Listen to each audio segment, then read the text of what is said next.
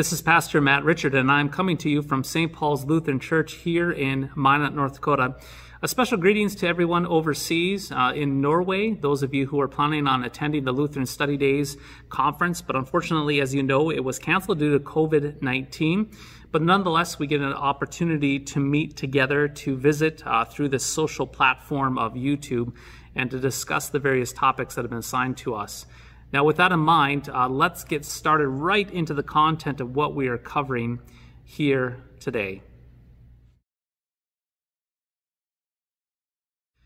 Well, the topic that was assigned to me was a topic taken from a very, very small line in Luther's works in his Genesis commentary. And it says this Luther is commenting on Adam and Eve in chapter 1 of Genesis, and he says this uh, he is to have knowledge of God and with the utmost freedom from fear, with justice and wisdom. He is to make use of the creatures as he wishes, according to his will. Specifically, we're going to be looking at those words uh, that Luther states here about Adam and Eve the utmost freedom from fear. And so, for the sake of our conversation uh, at this time, we want to look at this idea of what is fear itself. How do we understand fear biblically? And then not only how do we understand fear, but how do we understand fear with a sense of freedom? What does it mean to be free from fear? So, as we get started, perhaps a good thing to start off with would be a proper definition of fear itself. What is fear?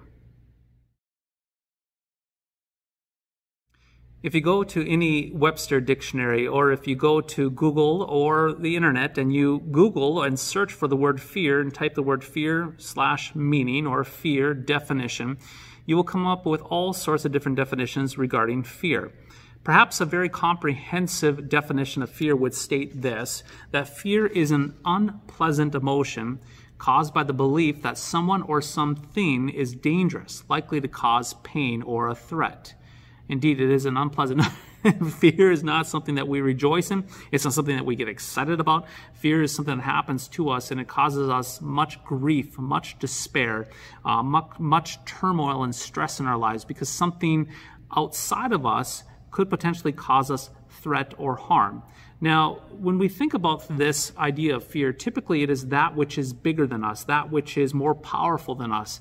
Uh, we don't have fear when something outside of us that is bigger than us and more uh, powerful than us is for us. In fact, when we have someone advocating for us that has more power, more strength, and more might, it gives us confidence. It gives us assurance. We can sleep with both eyes closed. However, when it comes to something that is bigger than us, stronger than us, that causes potential threats to us, well, that causes fear. It causes us to sleep with one eye open. Uh, you can think about all of these cartoons over the years. I think back to a child there was one cartoon, Looney Tunes, uh, the whole Bugs Bunny uh, cartoons. There was one particular cartoon where they had this big, big, big dog. Um, I don't recall the name of the dog, but it was a big bulldog, and there's a tiny little yippy dog. And the little yippy dog had all the confidence in the world because that big dog was there to protect him. But as soon as that big dog vanished, well, that little tiny dog did not yip with such confidence because that little dog knew that he was what? Vulnerable, uh, that he was threatened, that fear would set in. And the same thing is with us. Fear, in, in general, uh, fear comes about when something bigger, stronger, more powerful than us is a threat to us, a danger to us. However, when that thing is for us, an advocate for us, well, then it gives us assurance. Now, with respect to the scriptures, the Bible, the Holy Writ, how would we understand fear according to the Bible? A very good place to go would be Genesis chapter 3 to understand that understanding of fear. What is fear and how does it work? Genesis chapter 3, verse 1 says this Now the serpent was more crafty than any other beast of the field that the Lord God had made. He said to the woman, Did God actually say, You shall not eat of any tree in the garden? And the woman said to the serpent, We may eat. We may eat of the fruit of the trees in the garden, but God said, You shall not eat of the fruit of the tree that is in the midst of the garden, neither shall you touch it, lest you die. But the serpent said to the woman, You will not die, you will surely not die. For God knows that when you eat of it, your eyes will be open, and you will be like God, knowing good and evil. So when the woman saw that the tree was good for food, and that it was a delight to the eyes, and that the tree was to be desired to make one wise, she took of it. She took of its fruit and ate And she also gave some to her husband who was with her, and he ate. Then the eyes of both were open, and they knew that they were naked, and they sewed fig leaves together and made themselves loincloths. Now, as we think about this, before uh, this tremendous fall into sin, before this original sin, this corruption of all things, Adam and Eve, they were in complete peace. They were free from fear itself. They heard the voice of God and they did not fear. They were in the midst of that garden in harmony with their, uh, the garden itself. They were in harmony with one another. They were in harmony with themselves. They, they were naked and felt no shame. However, as a result of what happened here in Genesis 3, all things changed. Everything got messed up. We continue to read here in verse 8. And they heard the sound of the Lord God walking in the garden in the cool of the day, and the man and his wife hid themselves from the presence of the Lord God among the trees of the garden. But the Lord God called to the man and said to him, Where are you? And he said, I heard the sound of you in the garden, and I was afraid, because I was naked, and I hid myself.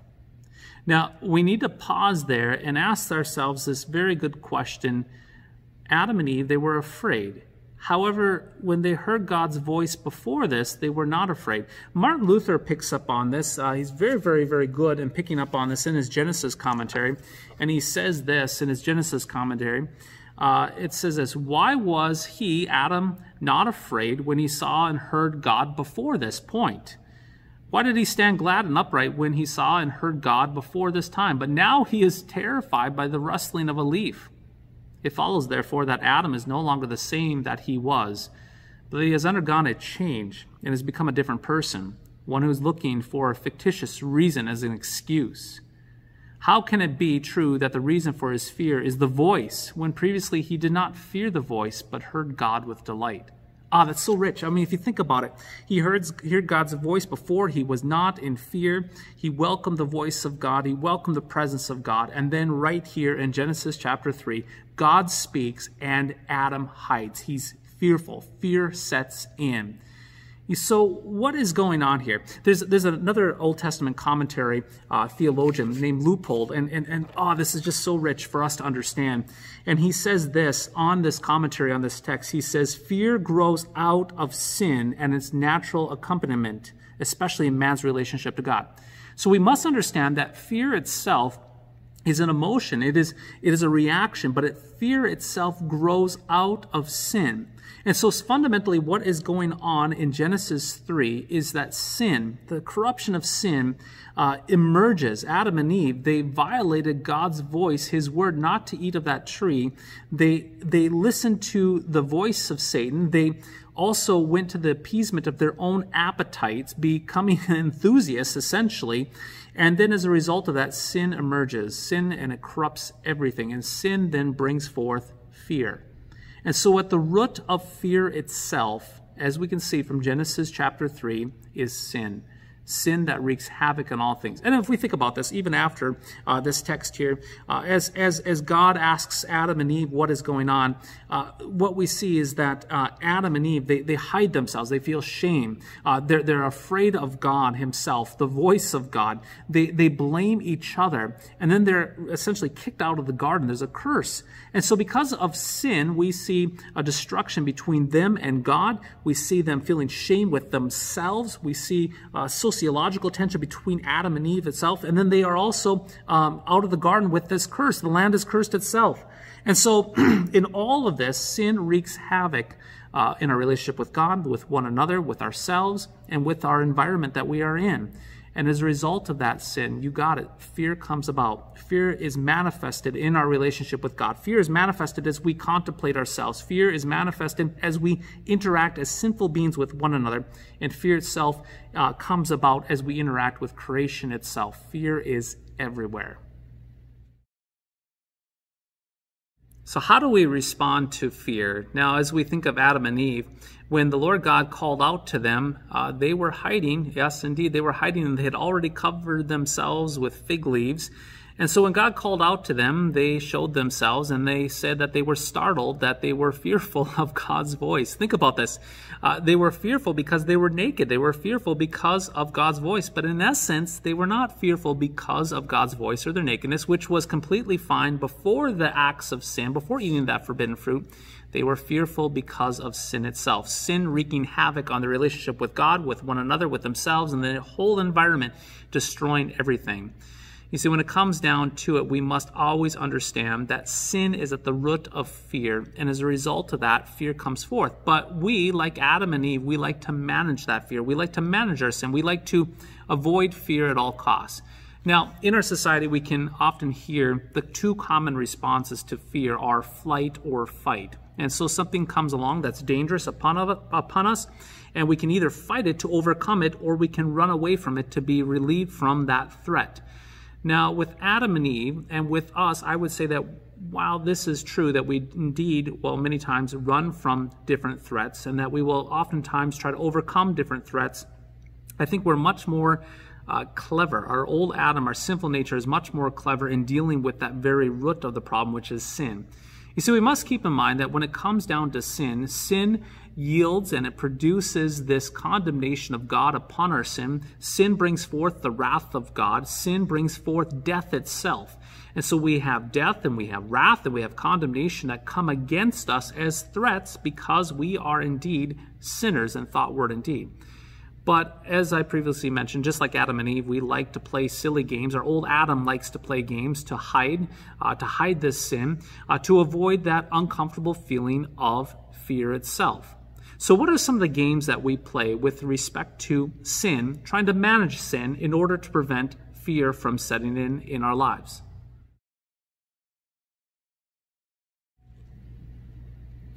I have a helpful sheet that I've compiled over the years, and it is a sheet titled this, and I'll try to include it in the uh, footnote link. It says Mankind's Various Methods and Ways of Managing Sin Itself. The first way that we manage our sin is this, is that we deny. We deny our sin. You see, denialism, a way of denying sin, is a way of denying a consciousness of error. It's a way of denying that we have sinned. And if we can deny that we have sinned, then therefore we don't have to deal with the consequence of fear. But when we admit our sin, oh boy, that puts us in a position of being threatened by others condemning us, others judging us, and so forth. So we quickly run to denying, I did not do it, I did not sin, as a way of deflecting and managing sin itself. The second way that we manage sin is that we oftentimes blame others. Uh, we think about Adam and Eve, right? When God confronted Adam, he blamed Eve, and Eve blamed the evil one, the serpent himself. And so when sin comes about, sin indeed brings about uh, a sense of condemnation that we've done wrong. Our old Adam, again, hates to admit that we are sinners. We hate to confess sin. And as a result of that, well, we blame others. If we can blame others for sin, we are not accountable for sin, and then we don't have to feel that unpleasant feeling of fear. The third way that we attempt to manage sin and deflect that unpleasant feeling of fear itself is through legalism. Yes, legalism what we end up doing is we end up ranking our sin. And so we compile our sins and make a list of our sins and we weigh that against other sins that other people are doing. And we say to ourselves, I'm not as bad as those people over there. And a way of doing that, what we do is we actually minimize, again, we minimize uh, the seriousness of our sins so then we can then deflect fear. The fourth way that we attempt to manage sin is through what's called self righteousness. Uh, with self righteousness, we basically make it all about the unholy trinity of me, myself, and I, what we do, what we have accomplished, and what we are all about. And by doing that, we actually overshadow this difficulty and this problem of sin that brings about condemnation and God's wrath and unsettling uh, feelings of fear within us. But if we make it all about ourselves and how much we have done, well, then we can minimize and overshadow sin and live in so called peace. The fifth way in which we can actually manage sin or try or attempt to manage sin is by works righteousness. And this is very similar to uh, self righteousness. But works righteousness basically works by trying to do good deeds as, as if there's some sort of scale that my good deeds can outweigh my bad deeds. And if I have more good deeds than bad deeds, well, then it somehow cancels out that sin. And then it brings about a sense that I don't have to fear my sins because I can bank it all on my good works that have offset and cancel out the sin. And if I do more good works than sin, well, then I can have confidence and assurance in my good works. But as we will see later on, this too is indeed vanity, it is foolishness. That sixth way of managing sin is something called lawlessness or licentiousness. This way is very similar to self righteousness and legalism itself. You see, on those other sides, we attempt to conceal sin or overshadow sin with so called goodness in order to diminish the effects of sin itself, bringing about fear in our lives. On the other side of the spectrum, we go the way of licentiousness, lawlessness, being a libertine. These are all synonymous for ways that we attempt to normalize sin. So we take the sins that we commit and we transfer them from the category of sin to righteousness. And if we can call that which is evil good, well, then it doesn't bother our conscience. It does not bring about the threats of God's wrath upon that or condemnation or disapproval from others. But that which is evil is good and should be celebrated. Therefore, uh, our conscience is at peace. Uh, we have assurance. But as we will see later on, too, this is all vanity and foolishness. The final way of attempting to manage sin is through substance abuse. Now, when it comes to substance abuse, oftentimes what happens is a substance is used to perhaps numb, could we say, numb the consciousness of error, numb the fear that comes about from sin, to numb the guilty conscience that comes as a result of sin. And so by doing this, you do not have to address the sin itself, and you can live in so called freedom.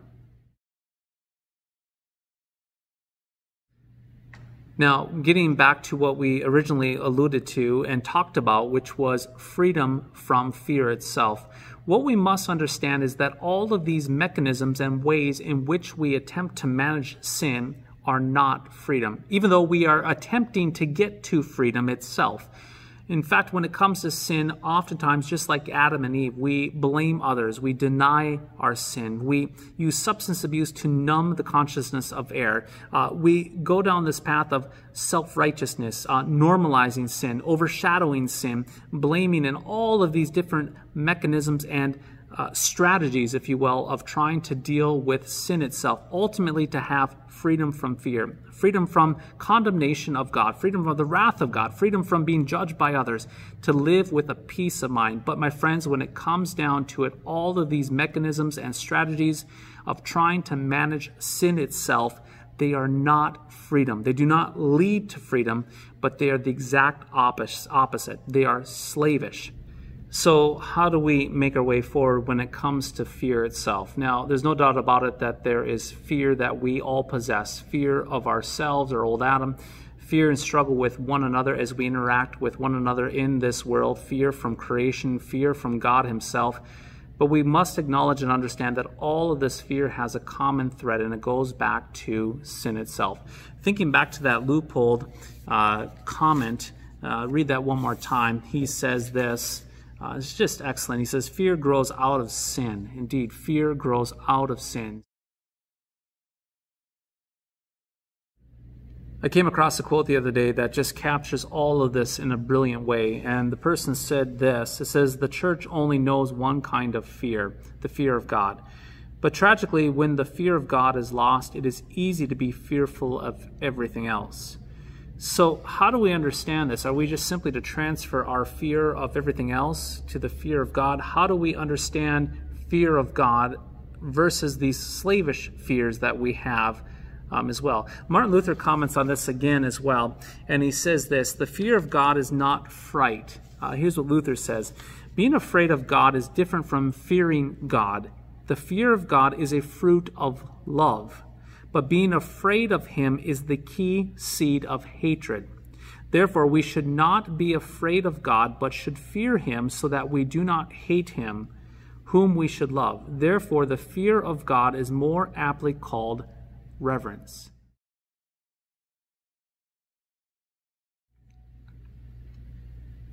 I just love the Apostle Peter. I love especially how he responds to Jesus all the time in the Gospels. We can think back to one of the Gospel lessons where Jesus himself uh, told the disciples, Peter and the disciples, to cast their nets out. And it didn't make much sense because they hadn't caught anything all night long. But at Jesus' word, they cast the nets into the sea and they took in a haul of a lifetime. In fact, there were so many fish that the nets were ripping, the boats were sinking.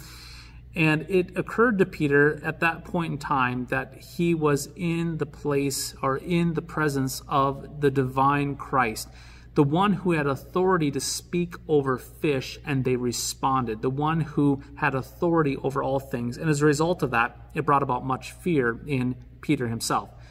But I want us to take note how did Jesus respond to Peter's fear? Let me just read a little something here to you. Jesus does not say to Peter, Hey, Peter, do not fear, for I'm going to put my holiness and my majesty away because it seems to have upset you. Do not fear, Peter. My bad. Sorry that I displayed too much of my power and divinity before you.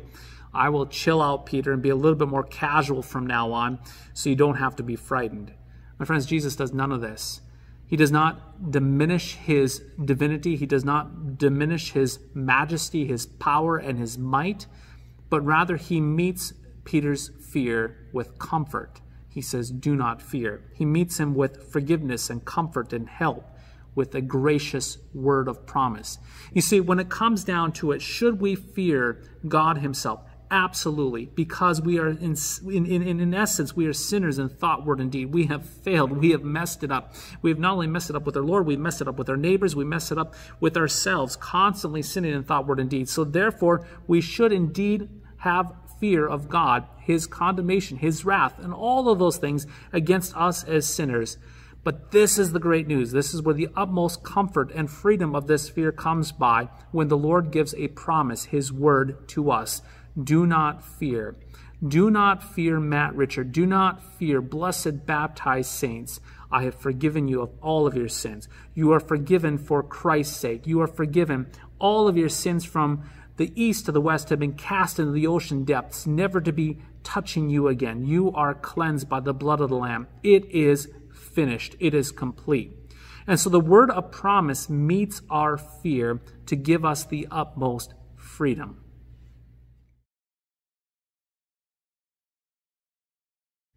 So, after the word of the gospel is spoken into our ears, after we are given Christ's body and blood, as we are baptized into Jesus' death and life, what happens to fear itself? Well, fear gives way to reverence. As we remember that quote from Luther, uh, that quote from Luther, therefore we should not be afraid of God, but we should fear him so that we do not hate him. Therefore, the fear of God is more aptly called reverence. So, how do we understand reverence? I have a really neat definition to share with you on reverence. Reverence is a holy fear of God clothed with faith. Isn't that great? It is a holy fear of God clothed with faith. And so reverence leaves us with astonishment and awe and a silent faith filled gratitude, knowing that the God of the universe, who could have destroyed us and probably should have, chose rather to redeem you and me unto life everlasting, to redeem us unto freedom.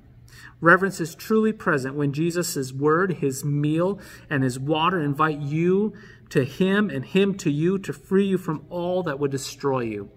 And so we know that reverence is that understanding that we are not the creator, understanding that the Lord Jesus Christ is bigger than us, understanding that he is mightier than us, um, that we are the created, that we are the ones that are redeemed. It is a holy awe and respect and gratitude looking towards our Lord Jesus Christ with faith knowing that when it comes to sin and damnation and death and condemnation, the wrath of God, that we shall not fear those things because Christ, the Redeemer, has freed us from that fear of those things unto fear unto Him.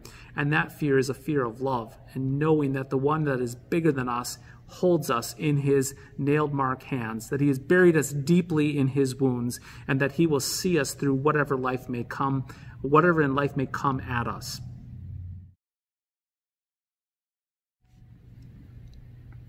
And so we do not need to play the game.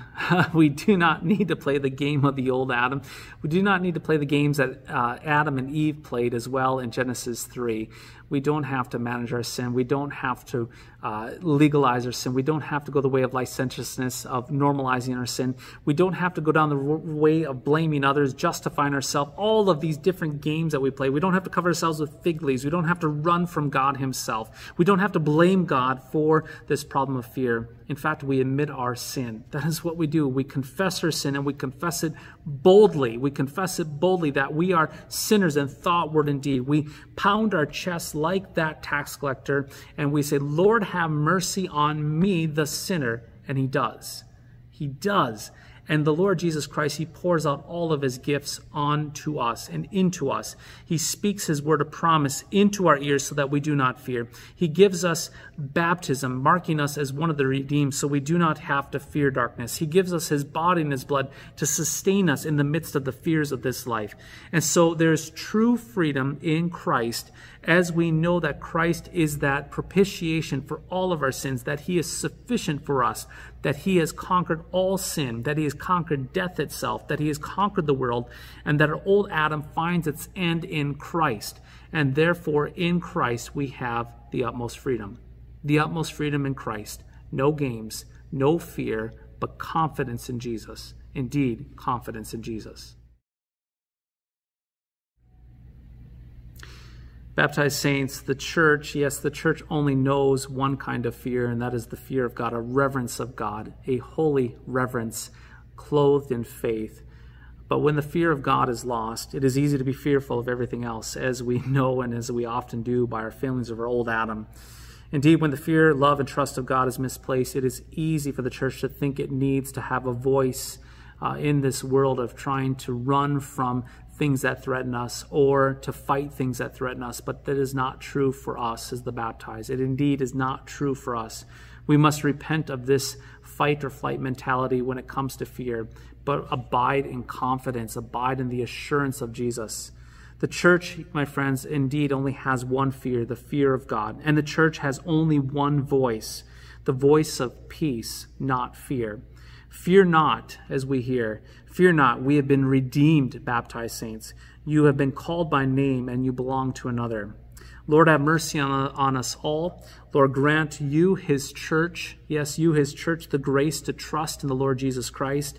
Grant pastors and parishioners the grace uh, that we would rest in peace, the peace of Christ that surpasses all understanding and surpasses indeed uh, fear itself. You belong to Christ. God bless.